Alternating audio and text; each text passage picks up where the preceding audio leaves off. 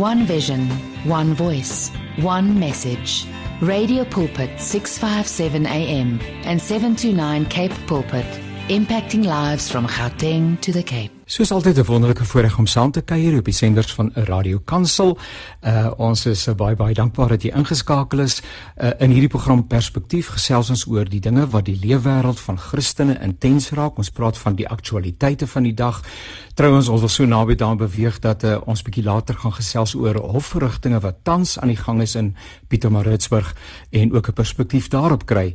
Uh dit is die leefwêreld waarin ons lewe, Suid-Afrika. Dis 'n dinamiese omgewing en dit is baie baie lekker dat ons ook op hierdie wyse met mekaar kan skouers skuur.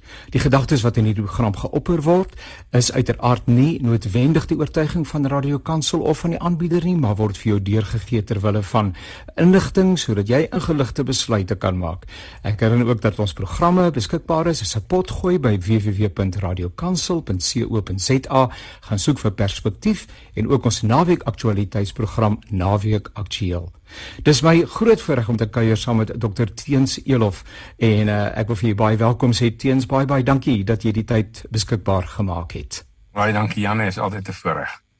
Nou, teens terwyl van ons luisteraars ons gesels met mekaar via Zoom en in die agtergrond is daar 'n heerlike see toneel met regte egte golwe wat rol en eh, 'n boom, 'n palmboom waarvan die takke in die wind beweeg. Wil jy vir my sê dit is waar jy jouself bevind want dit is genoeg om 'n ou groen van jaloesie te maak. Nee, ongelukkig nie. Ja nee, ek sit in Pretoria. Nou maar maar uh, dit is maar 'n bietjie ek het hom ontdek eers en gedink uh, ek sal die ouens bietjie wat my sien so 'n bietjie jaloers maak dat mens wel by 'n see sou kon sit maar ongelukkig is dit nie ek hierdie keer Nou ja, dit lyk idillies. Nietemin, uh, eh, Dr Teens, net weer uh konteks te verander so vinnig, net weer die eie konteks. Waar bevind u uself tans? Wat is op die agenda? Waarmee hou u uself besig? Ek is uh, by in Pretoria, my vrou en uh ons uh, een dogter met kleinkinders in Pretoria, ander in Potchefstroom. Ehm um, ek is voorsitter van 'n klomp trust, Afrikaanse trusts, voorsitter van Astral wat 'n hoendermaatskappy is en mede-voorsitter van die onlangs gestigte Afrikaner Afrika inisiatief. Uh ja, en dan is ek ook uh, voorsitter van die Mos inisiatief wat 'n moedertaal in onafhanklike skole inisiatief is wat begin met Afrikaanse skole, maar ons ons hoop is dat ons ook uh, later ander moedertale in Suid-Afrika uh, in, in in die skool kan kry. 'n baie besige man inderdaad. Nou onder die opskrif is South Africa in moral decay is 'n artikel wat in 2017 geskryf is nou intussen die dinge nog verder ontwikkel deur ene Wusi Shongwe wat vanuit 'n onderwysperspektief skryf.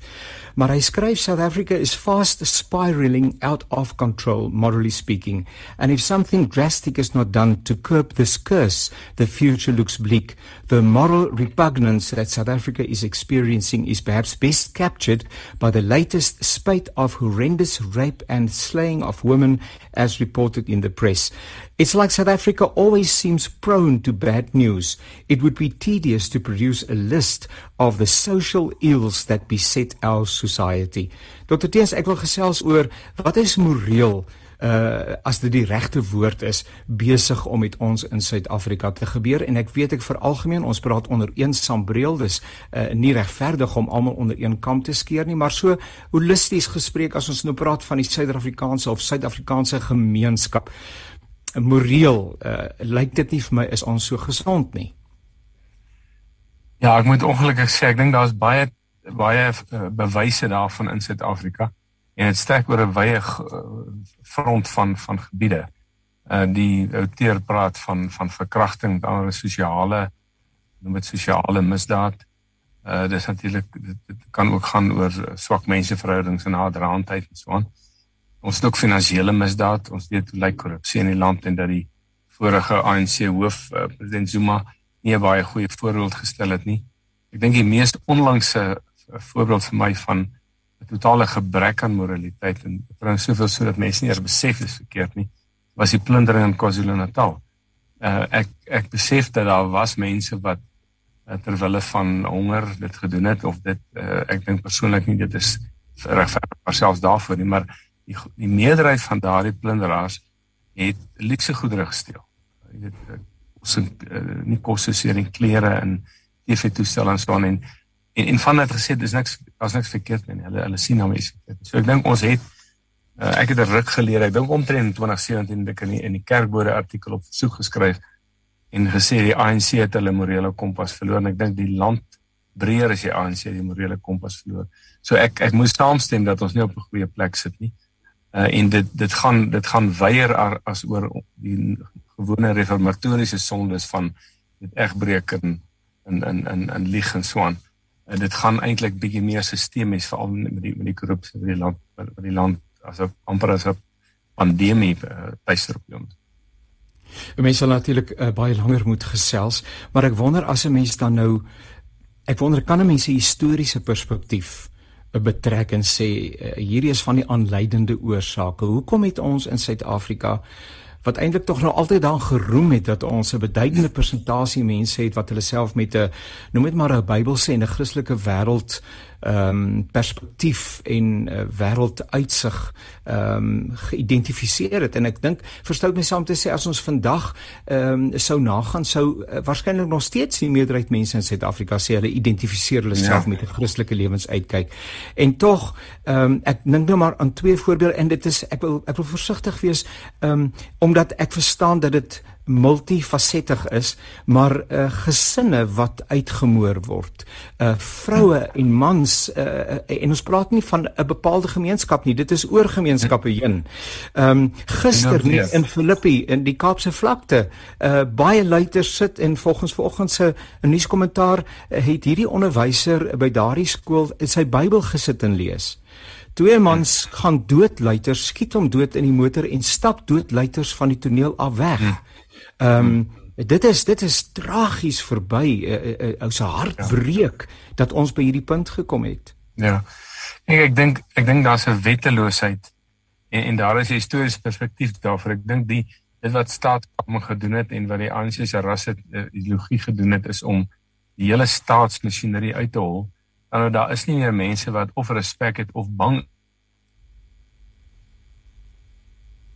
is jy verkeerd doen en dis nie meer daar nie. So dis met die, die Engelse woord impunity. Ek daar's 'n goeie Afrikaanse woord daarvoor nie. Ek wil 'n ander ding eh, tog in die in 'n klip in die bos gooi. Ehm um, ek worstel al lank daarmee dat in in baie van ons gemeenskappe en dit het weer nie met kleur te doen nie. Is daar is daar net nie 'n besef dat wat jy doen elke dag is 'n uitvloeisel van jou geloof en jou jou Christendom nie. Dis amper asof ons dit skei. En toe ek onthou dat dat in die Anglo-Saksiese teologiese wêreld is daar baie sterk skeiding tussen kerk en wêreld. Nou Amerika het vir ander redes. En ek onthou president Mandela het altyd gesê sy geloof is 'n privaat saak. Ja. En mense respekteer daarvoor dat hy Christen is, maar die punt is dat uiteindelik lyk dit vir my as dit in 'n groot deel van ons land is dat my geloof op Sondag is by saak ek gaan na 'n kerk toe of ek gaan ZCC toe of ek gaan ergens heen. Maar wat ek maandag doen, het niks daarmee te doen nie. Dit dis iets anders. En ek ek is nogal bekommerd dat daai skeiding en dis is eintlik heeltemal teen die reformat breë reformatoriese siening dat dat Christus is sê hy is is koning van die hele skepping en dat dat mense se geloof moet eintlik impak hê en met 'n uitvloeisel wees of uitvloei sal sien in jou optrede elke dag. En ek is nogal bekommerd dat dit dit 'n meer sistemiese probleem is. Dat baie van die kerke uh wat ons het in in in die land en die meerderheid waarskynlik het hierdie skeiding tussen geloof en wêreld.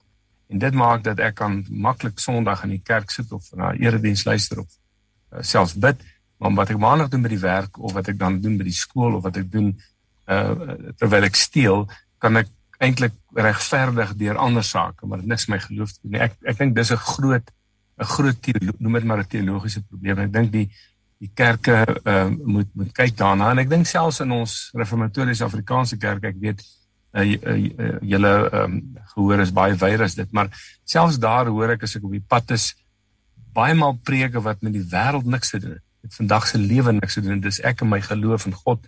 En ek dink dit vervreem mense van hulle wêreld en dit maak dat hulle dus makliker sulke goed sal doen. Ek dink nou nie die mees wrede goed nie, maar jy weet ek ry oor 'n verkeerslig makliker. Ek uh, ek betaal 'n uh, bietjie uh, af afkoop boetjie vir die verkeerspan sommer die hoek. Ek dink dis die groot sistemiese probleem. Die tweede ene is dat ek dink ons het in ons land in in 'n studie wat ek gedoen het hoe ons optree teenoor ander Afrika lande wat dieselfde vlakke van armoede het. Is dit so dat Suid-Afrikaners vanweë baie redes, dalk is dit dalk is dit die, die relatief vredevolle manier waarop ons die oorgang werkstellig het, het 'n wat ons in Engels noem 'n entitlement of 'n toeëningskultuur. Dat ons ons mense sê ek het swaar gekry, nou is dit my beurt en maak dit ek moenie ek wil dit hê. Ek wil dit hê wat die ander mense het, wat die rykes het of hulle wat of swart is. Ek dink dis 'n ander probleem. En dit alles dink ek lei daartoe dat mense eenvoudig regverdig wat te doen. Hierdie uh hier praat van gister. Uh eergister was daar die die uh polisievrou in die hof wat vyf mense familie en kerel laat vermoor het. Ja. En, maar ek het 'n bietjie gekyk asof sy nie verstaan dat daar iets fout mee is nie. Sy sê sy ja. het maar net van die geld wat sy kan kry. En ja. dit het geen moraliteit nie. Geen daar's geen besef as jy vra vra glo sy in, in God. As hy sê ja, sal hy daar geloof in God met die feit dat sy vyf mense laat vermoor het nie by mekaar uitbring nie. En ek dink dit is die die groot vir my die grootste noem dit maar sistemiese. Ja, daar was ook die afgelope week as ek dit nie mis het nie. Ehm um, was daar 'n berig juis oor die omvang van misdadigheid as ek die woord kan gebruik in die Suid-Afrikaanse polisie diens uh en ja. hoeveel sake opgelos is en mense kom doodgewoon maar net weer terug in poste en uh jy hoor nie dat dinge uh afgehandel word nie. Ons gaan bietjie later volgende gesels met professor uh, Dirk Kotse uh juis oor die Zuma verrigtinge tans wat tans in die gang is. Daai saak sloer sedert ons praat van seker die beste deel van 20 jaar en ja, uh, wat een nou gesê het teens as ek sommer so op die naam kan noem dat ehm um, as die gemeenskap in sy breë met ander woorde die aanvoeling kry maar maar misdaad en misdadigheid en dit wat verkeerd is word nie regtig daar's nie konsekwensies nie. Uh, aan die een kant en aan die ander kant um, ons weet ook dat die reg nie uh, regverdig toegepas word in Suid-Afrika nie maar maar feit van die saak is is daar 'n ongeërgdheid is om hierdie dinge behoorlik te hanteer. As 'n mens dink aan ehm um, uh, die agterstand met betrekking tot toetse wat gedoen moet word wat verband hou ja. met misdadigheid hierdie keer dan ek bedoel dan is daar nou nie daai dringendheid om reg op te tree nie. Nou daarmee saam jy, jy het verwys na die gebeure in KwaZulu-Natal en hier in Gauteng ook. Ehm um, uh, professor Christina Landman in gesprek so tyd gelede het 'n opmerking gemaak dat 'n uh, 'n uh, uh, arme mense en ons praat dan nou van desperate armoede het nie die leksheid om moreel op te tree nie. Daar's ook iets daarvan nê. Ek bedoel as my kinders en en en 18 miljoen mense in Suid-Afrika is van staatsondersteuning afhanklik. Ehm um, ek vra myself hoe ver bring 350 rand jou nou ehm um, wat die staat met die beste intensies dan nou beskikbaar stel. So as my kinders nie kos het nie, joh, dis 'n moeilike grense daai nie waar nie. Kyk ek ek hoor wat sy sê. Ehm um, maar ek ek dink weer in die res van Afrika waar armoede net so erg as nie erger is nie in Indië gebeur nie. Uh arme mense steel nie gewoon nie. Hmm. Hulle nie. Ehm um, ek ek ek koop nie die argument nie. Ek dink dit is gebaseer op 'n op 'n amper humanistiese siening van weet die die die um, die een die doel heilig die doel ja. Ja. Doel wees oor armoede vlakke nie en en en daarom maar die vraag is wat doen die wettig verkoeste regering daaraan en en hulle uh, hulle uh, trek rekord is nie is is nie is nie baie goed nie. So ek wil ek wil almal sê as ek um, ek ek het altyd so gestel dat ek kan was God vergewe alle sondes. Uh, as mens berou het, maar die gevolge van jou sonde draai jy. Nou as iemand steel en ek vra God om verskoning of om vergifnis, dan sal God my vergewe. Ja. Maar ek sal steeds my straf moet uitdien of in die tronk of opgeskort. En en dit maak is eintlik vir my heeltemal relatief wat wat, wat professor Landman sê. Ek het begrip daarvoor, maar ek kan nie dit kondeneer nie, want die oomblik as jy dit kondeneer, Janie, dan stap ons oor 'n grens waarvan ons nie gaan terugkom nie. En en baie keer daar's dalk baie sosiologiese redes daarvoor, baie sielkundige redes daarvoor, maar daar's in die res van die wêreld net soveel en net so diep armoede as wat in Suid-Afrika is en tog gebeur dit nie daar nie. En dis dis dis in sommige lande soos Indië is daar nie eers Christene, die Christelike geloof is so sterk nie. Dis dis heeltemal 'n ander geloof, dit Hindu of of Moslem en in Afrika. So ek ek dink nie ou moet te maklik ek ek sal nie dit in die openbaar net eenvoudig verdoem nie, maar ek dink mense moet krities daarop bly dat dat uh, jy jy gaan 'n lyn oor stap wat jy sê nee as iemand honger is mag hy maar steel hy mag maar plunder wat hulle nie besef dink ek nie is dat daardie plundering gaan ander mense ook honger laat uh, want uiteindelik gaan daardie mense wat in daai fabriek werk nie nie nie 'n loon kry nie en, en die mense wat die fabriek bestuur gaan die loone kan betaal nie so ek dink dit is 'n kortsigtige manier om daaraan te kyk en en weer 'n keer ek wat ek gesien het en wat ek gelees het is dat baie baie min van daai mense het regtig gesteel vir kos. Ja, ja. Die meerderheid het sistemies geplunder vir goed, luukse goedere en natuurlik raak klomp misdaadsyndikaate ingekom en gewoon uh, luukse goedere gevat om later te smokkel en mee te verkoop. Ek dink die hele verskynsel moet ons daarom net 'n bietjie in perspektief sien. Daar was uh, in die verlede was daar die sogenaamde moral regeneration movement ek dink waarvan die adjunkt staatspresident die beskermheer was nou ook in ons eie geval in hierdie geval is dit um, is daar groot vraagtekens en ek dink nie dat daai beweging ooit behoorlik van die grond afgekom het nie. As dit hoegenaamd nog bestaan dan dan uh, weet ek nie waarmee hulle besig is nie. Maar as ons nou uh, ten slotte uh, uh, uh, dokter Teens as ons nou mense rondom 'n tafel moet kry rolspelers uh, uh, vir wie moet ons uitnooi? Wie's die mense wat uh, moet saamgesels oor herstel wat hierdie saak betref? Ek ek sou dink dit moet 'n wye groep mense wees. Ek dink die kerke en en nie net Christelike kerke nie, ook ander geloofsgenootskappe uit die Hindu, Moslem en en Joodse eh, groepe moet bykom. En ek dink die punt moet gemaak word dat ons uh, moet op 'n sosiale vlak, op 'n morele vlak uh, moet ons oor begin en ons moet 'n ander boodskap in ons in ons geloofsgenootskappe verkondig dat wat jy glo moet impak hê op wat jy doen. En jy kan nie dit doen as jy sê jy, jy glo nie. Dis dis die een kant daarvan. Die tweede kant is dat ons moet gewe uit my reformatoriese doppersiening die mense sondige aard ja. moet die swart mag van die owerheid beter toerus om dit as 'n afskrikmiddel te laat dien. Want baie van die goed gebeur omdat dit kan, soos wat jy tereg gesê het. So dit is dis twee dinge. Ek dink aan die een kant moet ons werk met die boodskappe van die geloofsgenootskappe met gebed met eie getuienis en optrede, maar dit hierdie is 'n saak waar as jy nie institusioneel dit ook regmaak in die politiek en en, en ook byvoorbeeld werkloosheid. Uh, die regering dink te veel hy kan nie werk skep. Hy kan nie werk skep nie. Niemand het nog ooit werk geskep wat in 'n regeringspos sit nie. Daar met 'n ander ideologie of 'n ander filosofie kom nou met die regstelsel in sy in sy volle betekenis. Polisie, weermag, die die die die nasionale vervolgingsgesag moet moet opgeskerp word sodat hulle as afskrikmiddel kan dien. So aan die een kant noem dit die morele kant aanspreek doen positief, aan die ander kant 'n afskrikmiddel wat keer dat nie negatief gedoen word.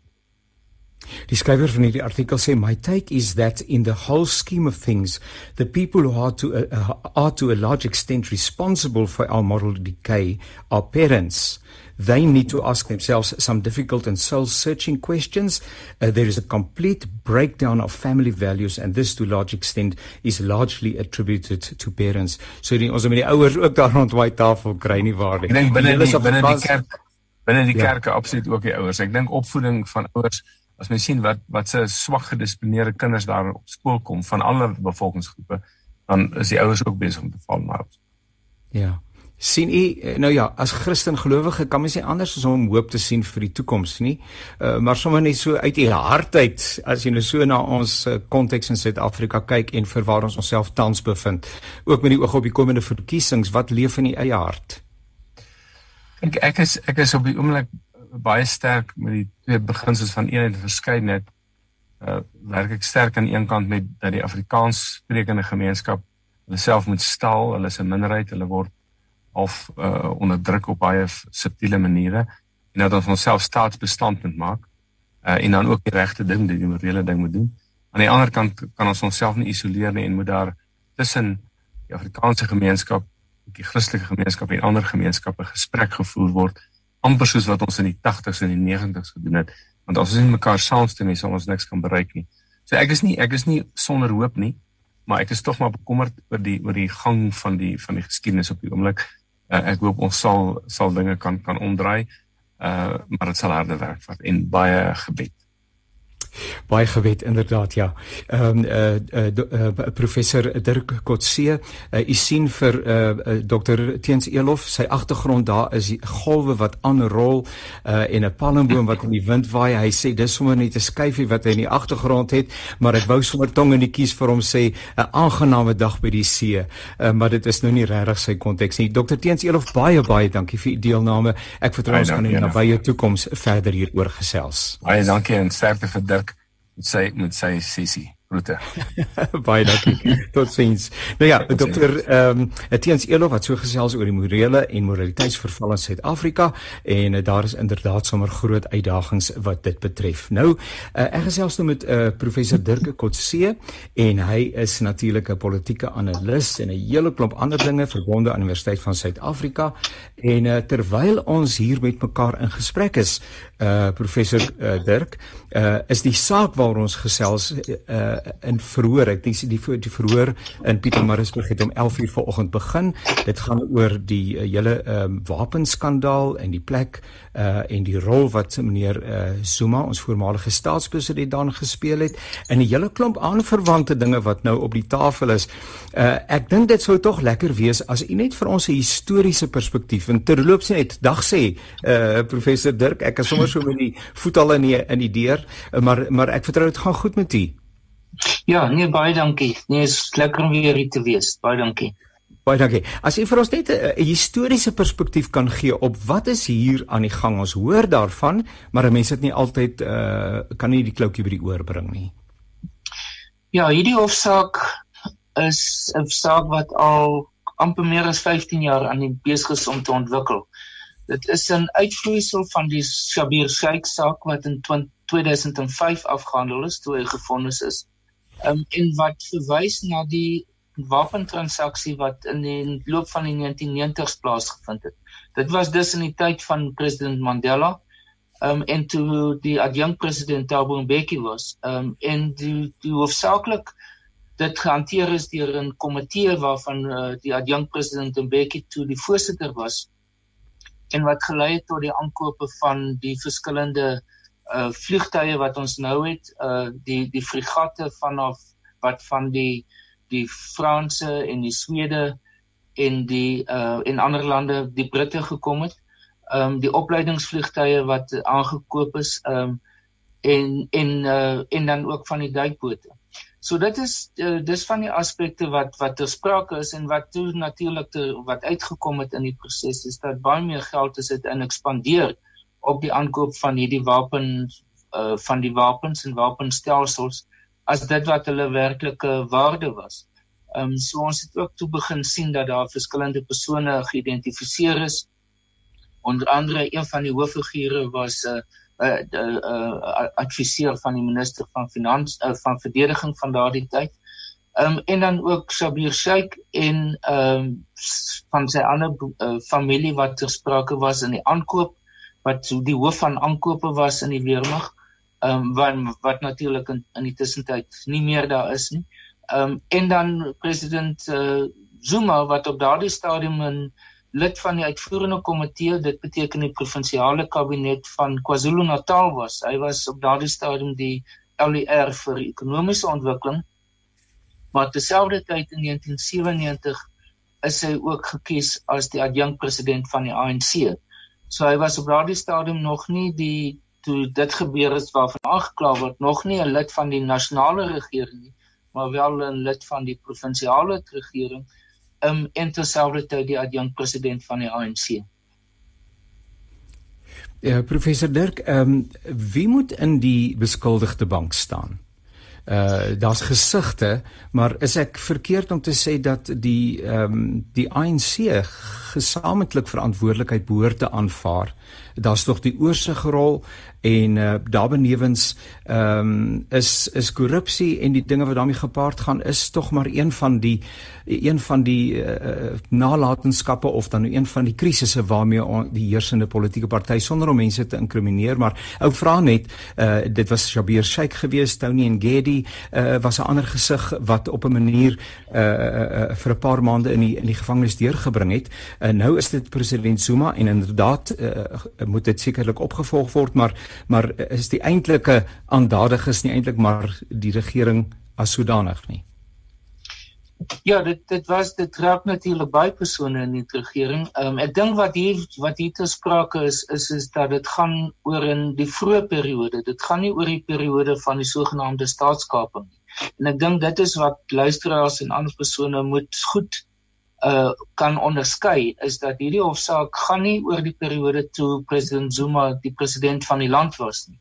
Ja. Ehm um, en dit wat ons alles daarna gesien het wat alles nou kollektief beskryf word as staatskaping nie. So dit, dit sal weer ander sake wees wat besprake is en ons nou gesien dat mense soos uh, Ysmagashule is aangekla, Zan Zanele Gumedi is aangekla, ehm um, en verskeie ander persone.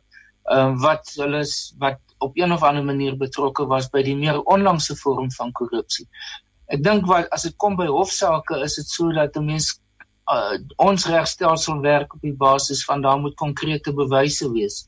So die die aanklagtes moet moet baie spesifiek van aard wees. Dit kan nie algemene aanklagtes wees nie. Dit kan nie 'n aanklagte wees deur te sê die regering van die dag is verantwoordelik vir korrupsie nie. Ehm um, dit hof gaan nie daarna luister want nou dit moet spesifiek wees oor spesifieke insidente met spesifieke getuienis uh verkieslik um, dokumentêre en en en direkte getuienis, konkrete getuienis en dan dikwels mense wat ooggetuienis daarvan, ooggetuies daarvan was. So dit dit is ongelukkig hoe hoe 'n regstelsel werk. So dis daar's 'n verskil tussen die morele aspek en die regsaspek. Uh, die twee is natuurlik veronderstel om met mekaar in interaksie te wees en die morele aspek is veronderstel om die regsaspek se se se waardestelsel te kan bepaal maar as dit kom by die die werklike aanklag van persone uh die die vervolging van hulle dan moet dit baie spesifiek van aard wees. As mens byvoorbeeld kyk na iets soos 'n aanklag op moord, baie mense kom weg daarmee omdat hulle nie direk geïmpliseer kan word in 'n moord situasie nie. Um en dieselfde geld in in hierdie geval. En ek dink dit is hoekom dit so moeilik is selfs in sake waarby byvoorbeeld Ysmagashule te sprake gaan kom om hom uiteindelik skuldig te bevind want daar's nie noodwendig die direkte getuienis beskikbaar om 'n hof te oortuig daarvan. Die die die die klag, die 16 klagte wat teen meneer Zuma geformuleer word, lees 16 counts of corruption, racketeering, fraud and money laundering. Ek mens vra jouself kan een man soveel bagasie dra? Ek bedoel, kan jy ene is daar enigiets daarbey uitgesluit? Dit is soos 'n so totale wat in geval hierdie saak betref, 'n totale korruptering van die persoon of uh, is moeilik om dit onder woorde te bring maar dis asof hierdie woorde eintlik elke vorm hier is hier word in hierdie spesifieke artikel wat ek gelees het word melding gemaak van 783 uh, eh, onwettige betalings wat aan hom sou gemaak gewees het.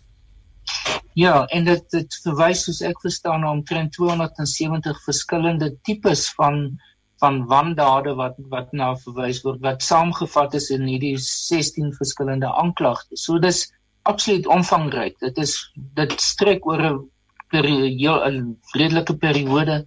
Um en dit is verskillende forme van van wangedrag of optrede wanoptrede uh, wat hier te sprake is. Um en ek dink dit is hoekom daar uiteindelik soveel gemaak word van hierdie saak is omdat dit 'n uh, dit die eerste groot geleentheid was in die regering sedert 1994 kan ons sê wat wat wat daar duidelike getuienis is van dat daar wanpraktyke plaasgevind het binne die regering of senior persone uh, wat met die regering geassosieer is of deel van die regering was um, en dat dit um, as gevolg daarvan op daai vroeë stadium en ons moet daar daarom teruggaan na die die vroeë 2000s die vroeë periode van president Mbeki se regering om te kan sien dat op daardie stadium wou hulle probeer dat daar nie 'n proliferasie plaasvind van korrupsie nie. Ehm um, en uh, en dat iemand soos so president Zuma wat in 2005 van sy pos as adjunkt president onthef is deur president Mbeki as gevolg van hierdie aanklagte um, en die uitspraak in die Shabir Sheikh saak om te probeer verhoed dat dit begin uh oorspoel en dat dit uh, onder 'n Zuma regering wat ongelukkig het in 'n plaas gevind het dat dit tot tot hierdie mate in 'n in 'n in 'n tendens of in 'n endemiese situasie ontwikkel het van korrupsie. So dit dit is dit is ek dink die agtergrond uh, die kommissie die Seriti kommissie byvoorbeeld was ook veronderstel om na die wapentransaksie te kyk. Um ongelukkig het hulle nie werklik 'n baie suksesvolle kommissie gewees om om hierdie verskillende aspekte te kon uitwys. Um dit was op 'n stadium toe die regering nog probeer het om hulle te distansieer van hierdie korrupsie aspekte. Ehm um, maar dit is natuurlik ons is verby daardie punt nou reeds verlang. Uh, professor, waarom vorder die saak nie? Is dit deel van tipies van meneer Zuma se sogenaamde Stalingrad taktik uh, om alles deur sy regspanne en verteenwoordigers en dies meer in die stryd te werp om uh, om vervolging uh, ook met ander sake uh, om dit uh, uh, met ander vry te spring? Ja, dit is definitief die geval. Ek meen as 'n mens byvoorbeeld net dink aan die sogenaamde spionasiebande hofsaake en daar was ek dink drie of vier sake wat spesifiek daarmee te maak gehad het wat uiteindelik geëindig het in die grondwetlike hof en deur die appelhof en deur die verskillende hoër regshowe gegaan het dat dit meer as 10 jaar geneem het. Ehm um, dat die as 'n mens teruggaan na die geskiedenis van hierdie saak ehm um, is dit natuurlik en dit word gekoppel aan die spionasie bande saak is die feit dat uh, die aanklagtes teen president Zuma op 'n stadium nadat hy verkies is of net nadat hy as ANC president verkies is, maar net voor hy nasionale president geword het in 2009, ehm um, dat dit teruggetrek is. Ehm um, en dat dit gegaan het oor die die persone wat die, die nasionale direkteurs was van die nasionale vervolgingsgesag hoe hulle in die spervuur gekom het. Um, en deel van die argumente wat ons nou weer sien en gister gehoor het in Pietermaritzburg verwys spesifiek daarna en dat hoe hulle hulle besluite verander het oor tyd. Um en dit is deels as gevolg van die politieke druk wat daar op hulle geplaas is. En baie mense sal sê dit is 'n 'n simptoom van die feit dat hierdie dat president Zuma op instellings soos die nasionale vervolgingsgesag begin konsentreer het en probeer het om die persone wat nie aan sy kant is nie te te uit te werk uit hulle posisies uit en meer simpatieke persone in daardie proses te kry wat in 'n sekere sin sy eie vorm van staatskaping was van staatsinstellings. En men dat dit eers nou na met die aanstelling van die nuwe nasionale direkteur uh, Batoy van van die nasionale vervolgingsgesag besig is om stelselmatig weer te verander. So dit gaan baie dieper as net die die saak self maar dit gaan ook oor die oor die wyse of die aard van die nasionale vervolgingsgesag hoe dit geïnfiltreer is deur president Zuma hoe dit probeer verander het om aan sy kant te bring en om nie 'n bedreiging vir hom te wees en van sy ander ondersteuners nie. En hoe president Ramaphosa nou probeer om daardie proses om te keer en hoekom dit nou ons op 'n punt is waar elemente van daardie probleme nog steeds te sprake is Um, maar daar nou 'n poging is weer om president Zuma voor die hof te kry om om om aan te gaan dus met hierdie saak. Na uh, na meer as 16 jaar. Sjoe.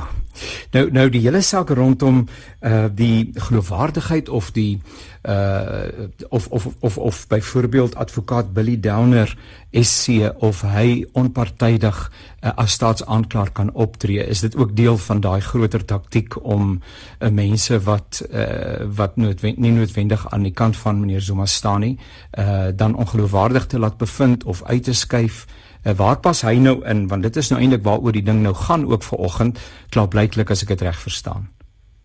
Ja, hy was die staatsanklaer reg van die begin. Hy was ook die staatsanklaer vir in die Shabir Sheikh saak.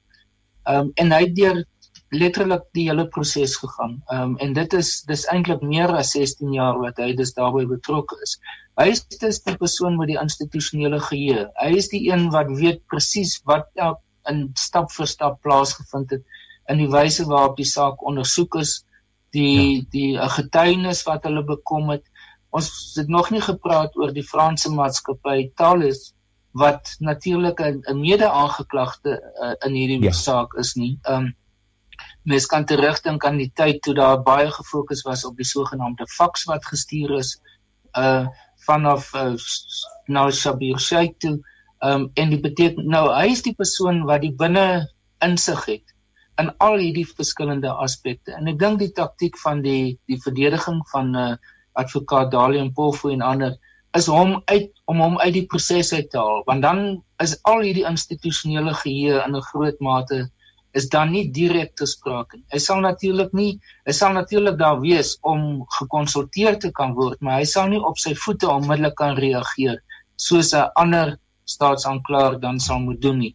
Ehm um, en uh, en dit gaan hopelik uit die Zuma perspektief aan hulle 'n voordeel dan gee. So uh, hy is 'n sleutelfiguur om te geneutraliseer te word sodat die Zuma saak uh, vorentoe kan beweeg. Maar nou het hulle so ver gegaan deur te sê daar's eintlik niemand in die nasionale vervolgingsgesag wat objektief en onafhanklik genoeg gaan wees om as staatsaanklaer te kan optree nie as gevolg van hierdie geskiedenis van dat die staats uh, nasionale vervolgingsgesag eers vir president Zuma aangekla toe die uh, aanklagte teruggetrek het. Toe is dit in die hofsaak van wat die sogenaamde spionasie uh, bande saak is en dit het net baie onwel uh, on, onduidelik geword van die die die die politieke dimensie wat daar op daardie stadium te sprake was. En hulle gebruik dit as argument om te sê wel dit maak dit onmoontlik om 'n regverdige saak te kan hê Net 'n laaste sinnetjie oor die uh, sogenaamde ehm um, siekte uh, ongesteldheid van meneer Zuma, uh die mediese parol, uh en sy ongeskiktheid om uh, verhoor te word en dies meer, uh is dit ook maar deel van die groter narratief. Ja, dit is ek sou sê dis deel daarvan. Ehm um, dit is uh probeer om om om uit uit die uh uit die uit die hofsaal te hou in, in terme van sy fisiese teenwoordigheid. Dit beteken nie dat noodwendig dat hy dat die voor nie kan aangaan nie, want dit kan nog steeds op 'n virtuele manier aangaan. Baie sake in die afgelope jaar of meer is op so 'n wyse gedoen, sam sommige van sy eie sake. Maar nou dring die die terselfdertyd die Zuma ondersteuners en Zuma uh regspan daarop aan dat hy wel in die hof moet verskyn dat dit dat hierdie die virtuele manier van van 'n hofsaak hanteer vir hulle nie goed genoeg is nie. Dis natuurlik om te probeer sodat hy weer in die openbaar kan verskyn en dat dit kan lei tot uh, tot openbare demonstrasies of bewys van sy ondersteuningsbasis deur mense. So hulle wil hom nie weghou van die publiek nie, maar hulle wil nie hê die saak moet aangaan nie. So daar's 'n mate van 'n kontradiksie in hierdie standpunt. Nou ja, ek uh, was in die versoeking om u te vra om in die kristalbal te kyk oor die toekoms, maar uh Suid-Afrika verrasse ou telkens weer. Uh so ons kyk ook hoe dit gaan uitwerk. Baie baie dankie vir u deelname en dat u ook vir ons verdere perspektief gegee het oor hierdie baie aktuelle onderwerp. Professor Dirk mag u 'n baie aangename dag hê. Baie dankie, dieselfde vir u. Seënwense. Nou ja, so gesels professor Dirk Kotse en uh, hy gesels oor die saak wat tans in die Pietermaritzburgse uh oop hof sien ek noem hulle dit seker maar die Hooggeregshof daar uh, aan die orde van die dag is waar daar gesels word oor uh die sogenaamde wapenskandaal en 'n klomp aanverwante sake tans oor die uh feit of uh die staatsaanklaer inderdaad met die verhoor uh, en sy rol kan voortgaan al dan nie. Uh dit is 'n interessante wêreld waarbinne ons onsself bevind. And uh, I'm so uh, glad and uh, blessed that I can speak to Mr. Sitimbisu uh, Tlapu and he is the Gauteng provincial coordinator uh, for uh, Nalibali. I'm just going to invite him to uh, uh, put on his camera so that I can see him, Mr. Sitembu, Mr. Sitembisu, uh, and uh, also there you are. I can see you. I can see clearly now. Uh, you know that song, uh, brother. I can see clearly now. The rain is gone, and now I can see you. And I'm so glad and thankful for your uh, willingness to participate this morning. Now. Um, uh, I know that you're very busy person, and I really do appreciate the time that you've set apart to speak to us. Uh, in the recent past, uh, uh I don't recall the date, but in a sense, the whole of September has this uh, culture or this flavor, uh, a focus on international literacy. And then, especially for us that, that lives in South Africa, uh, again, what does it say about literacy in South Africa? Uh, can you start by just enlightening us a little bit about the historical background to this international? Because this seems to be something that is internationally uh, um, relevant. Uh, where does it come from? And I also believe that there is a theme uh, for every year. So, can you tell us something about that, please? Yes. Um, uh, thank you very much, and thanks for having us here. Um, and probably I might. Uh, I think uh, the challenges that we're facing around globally um, around literacy is not only in South Africa. Yes. It's uh, global issues, and it differs based on each and every country. And I think if you look at the report that um, PELS has, uh, has, uh, sub, has given to us, I think in 2016, it benchmarks us against countries globally. So uh-huh. there are other countries also who are struggling uh, as same as us, but there are those who are doing well. And I think if you look at uh, how we copy certain things uh, in other countries and we bring it to our country and thinking that they can work, a typical example will be an OBE that was then taken uh, overseas and brought to us to try and you know um, uh, see if it can work in our in our schooling system. Yes. So issues of literacy are, are issues that are, are, globally issues, but when you bring them home in South Africa, we are very very uh, doing bad around literacy issues.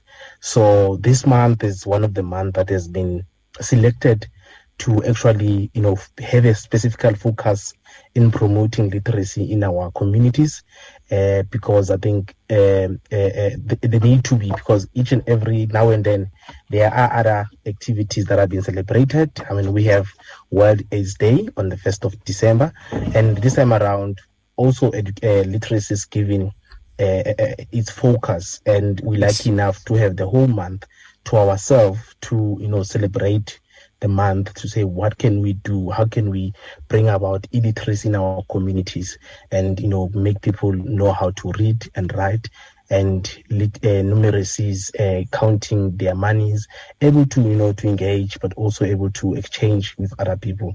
So i think that's what more important about this day that we, uh, this month particularly is to us to promote that people should should start reading tell stories and and read more and write more in the communities. Yes May I call you uh, by your first name, Sitembisu, uh, yes, please? Yes. Uh, my name is Yanni, and it's so nice we we uh, communicate with one another via Zoom, even though our listeners hear the audio, but I can see your face. Yes. It makes it so much uh, uh, more personal, and I can yeah. see that you're a very very friendly and spontaneous person, brother. I I find it hard to define. I'm trying to find a definition of what literacy. When is a person literate? I'm scared that I may not be literate uh, when I look at the definitions and so on. Does it mean that I can read and write? I n- heard now that you use the uh, numeracy as another. You can count, you can make, in other words, you can add and subtract. And then again, if I just think about the technological advances uh, uh, that we have, if I cannot use a cell phone, cannot send a message on a cell phone, for instance, or access information on my cell phone, etc., etc., does it mean that I am illiterate? So, what is the de- definition of literacy? When is a person literate? Hey, you know, this is a tough one.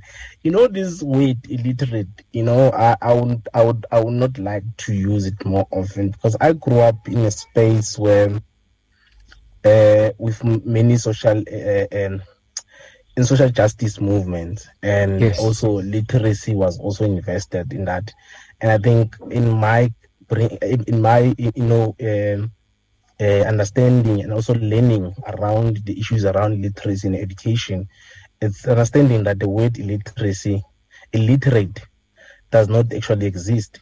You know, um, because everyone has something that they need to uh, that, that, they can a role that they can play you know yes, even yes. The, the, parent who might not you know able to read and write but yeah. there's knowledge that they can deposit that, that they can share with someone else course, i yes. think it's, it's such things that we i think we we, we, we learn from theories like paulo freire, paulo freire who then talk about how they our, our education has made us uh, had made people to be vessels to think that only when they deposit other people have more knowledge than others. But also people who cannot read the written text they have knowledge. If you look at our system in terms of um, uh, oral system that uh, customs in south africa for instance or africa in general there's been a lot of things that have been transferred orally and yes, those yes. people in long time back back there they, they could not read and write but they have so much knowledge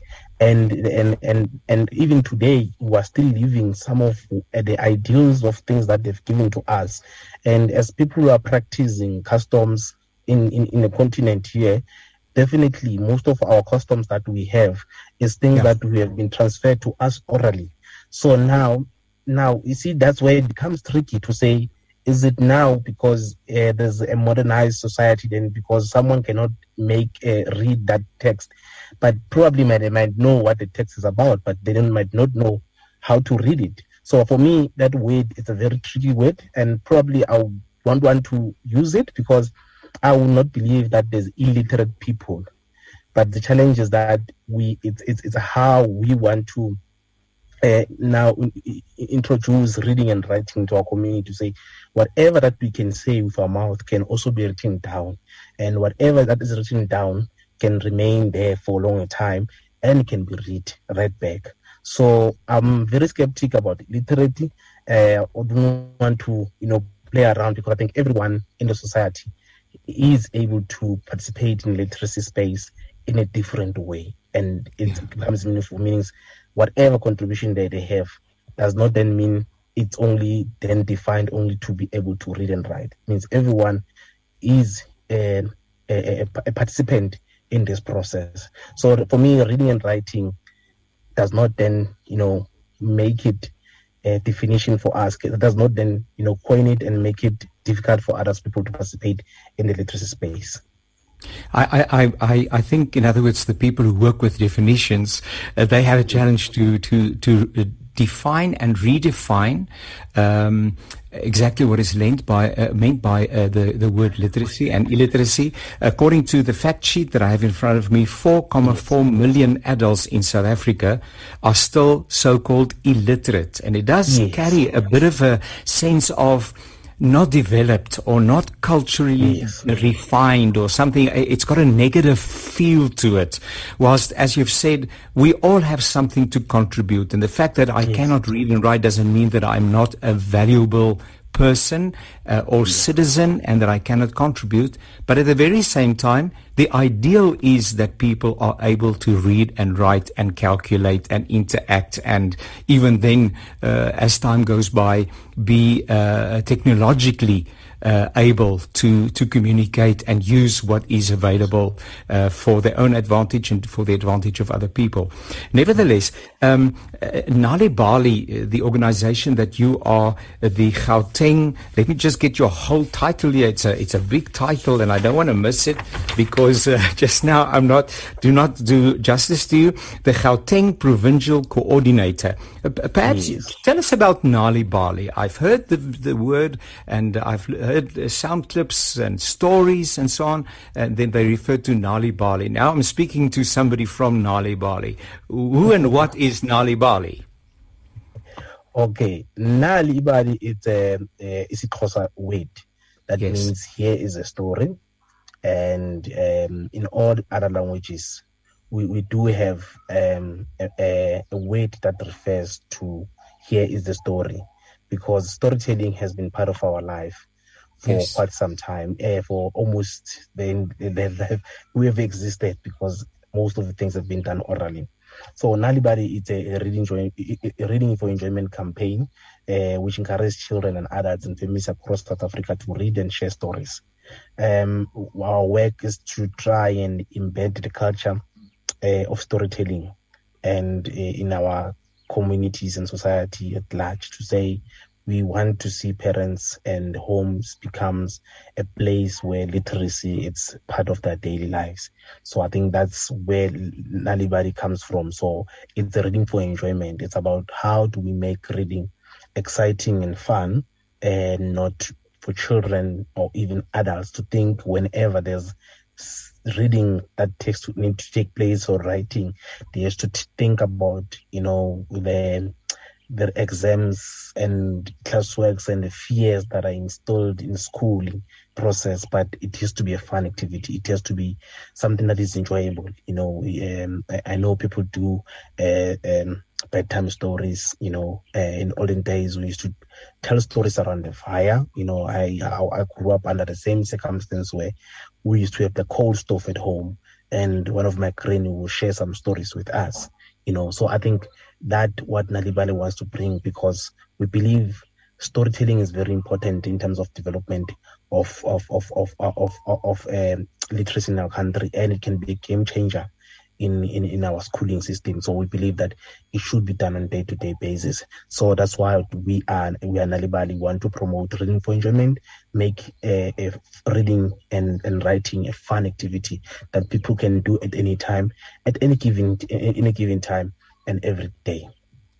And wonderful truths can be, com- be communicated through storytelling. I was speaking to somebody uh, earlier on in the program about the moral decline, moral decay in South Africa, and values uh, and ethics and ways of doing things and right and wrong uh, can be so effectively communicated uh, through um, through storytelling, etc. But uh, we just have time enough for you to give us a uh, contact, some contact details where our listeners can go and see what Nali Bali is all about, how they can interact with Nali Bali, how they can access whatever Nali Bali has available that could also strengthen them in terms of uh, the various techniques and yes. also uh, contributing towards inverted commas literacy uh, in yes. South Africa. so please give us contact details. Yes, um, thank you very much. I think um, uh, where people can find us is on our website, which is www.nalibali.org. Uh, also on www.nalibali.mobi um, where we have a lot of stories, a lot of tips, uh, where people can get um, uh, stories, audio stories in all 11 official languages of South Africa. There are also sto- readable stories that they can also download there. And the nicest thing about uh, Nalibali is that our website is a zero rated website. So people should not be worried to say, I do not have data. They can get into our website and they can get stories in their language, uh, stories that they can read to their children, and they can listen to stories with their children. So it's a zero rated, so they they don't have to worry about data. So that's where normally they will get most of us. We are there on Facebook, Nalibali SA, also on Twitter. Uh, those are our handles that they can get us on them, and they can make contact with us. And we are also having a very good partnership with Standard Bank. SA where we are doing live storytelling. Uh, today at three o'clock we're having Buhle who will be sharing a story on our on our Facebook. So those are the pages there people can get us, but also we do share a lot of content that need to assist our people out there who want to tell stories, who know, want to know how to tell stories. They can go to our website and get all the details, all the information they will want. The voice of uh, Sitembisu Islapo, Gauteng Provincial Coordinator for Nali Bali. Thank you so much, brother, and I hope that we interact again in the near future. You have a wonderful day. Thank you very much for having us. En daarmee het ons aan die einde gekom van hierdie aflewering van Perspektief. Baie baie dankie vir jou deelname. Onthou jy kan na hierdie perspektief en ander weer luister as potgoeie by www.radiokansel.co.za. Tot die volgende keer, alles wat mooi is.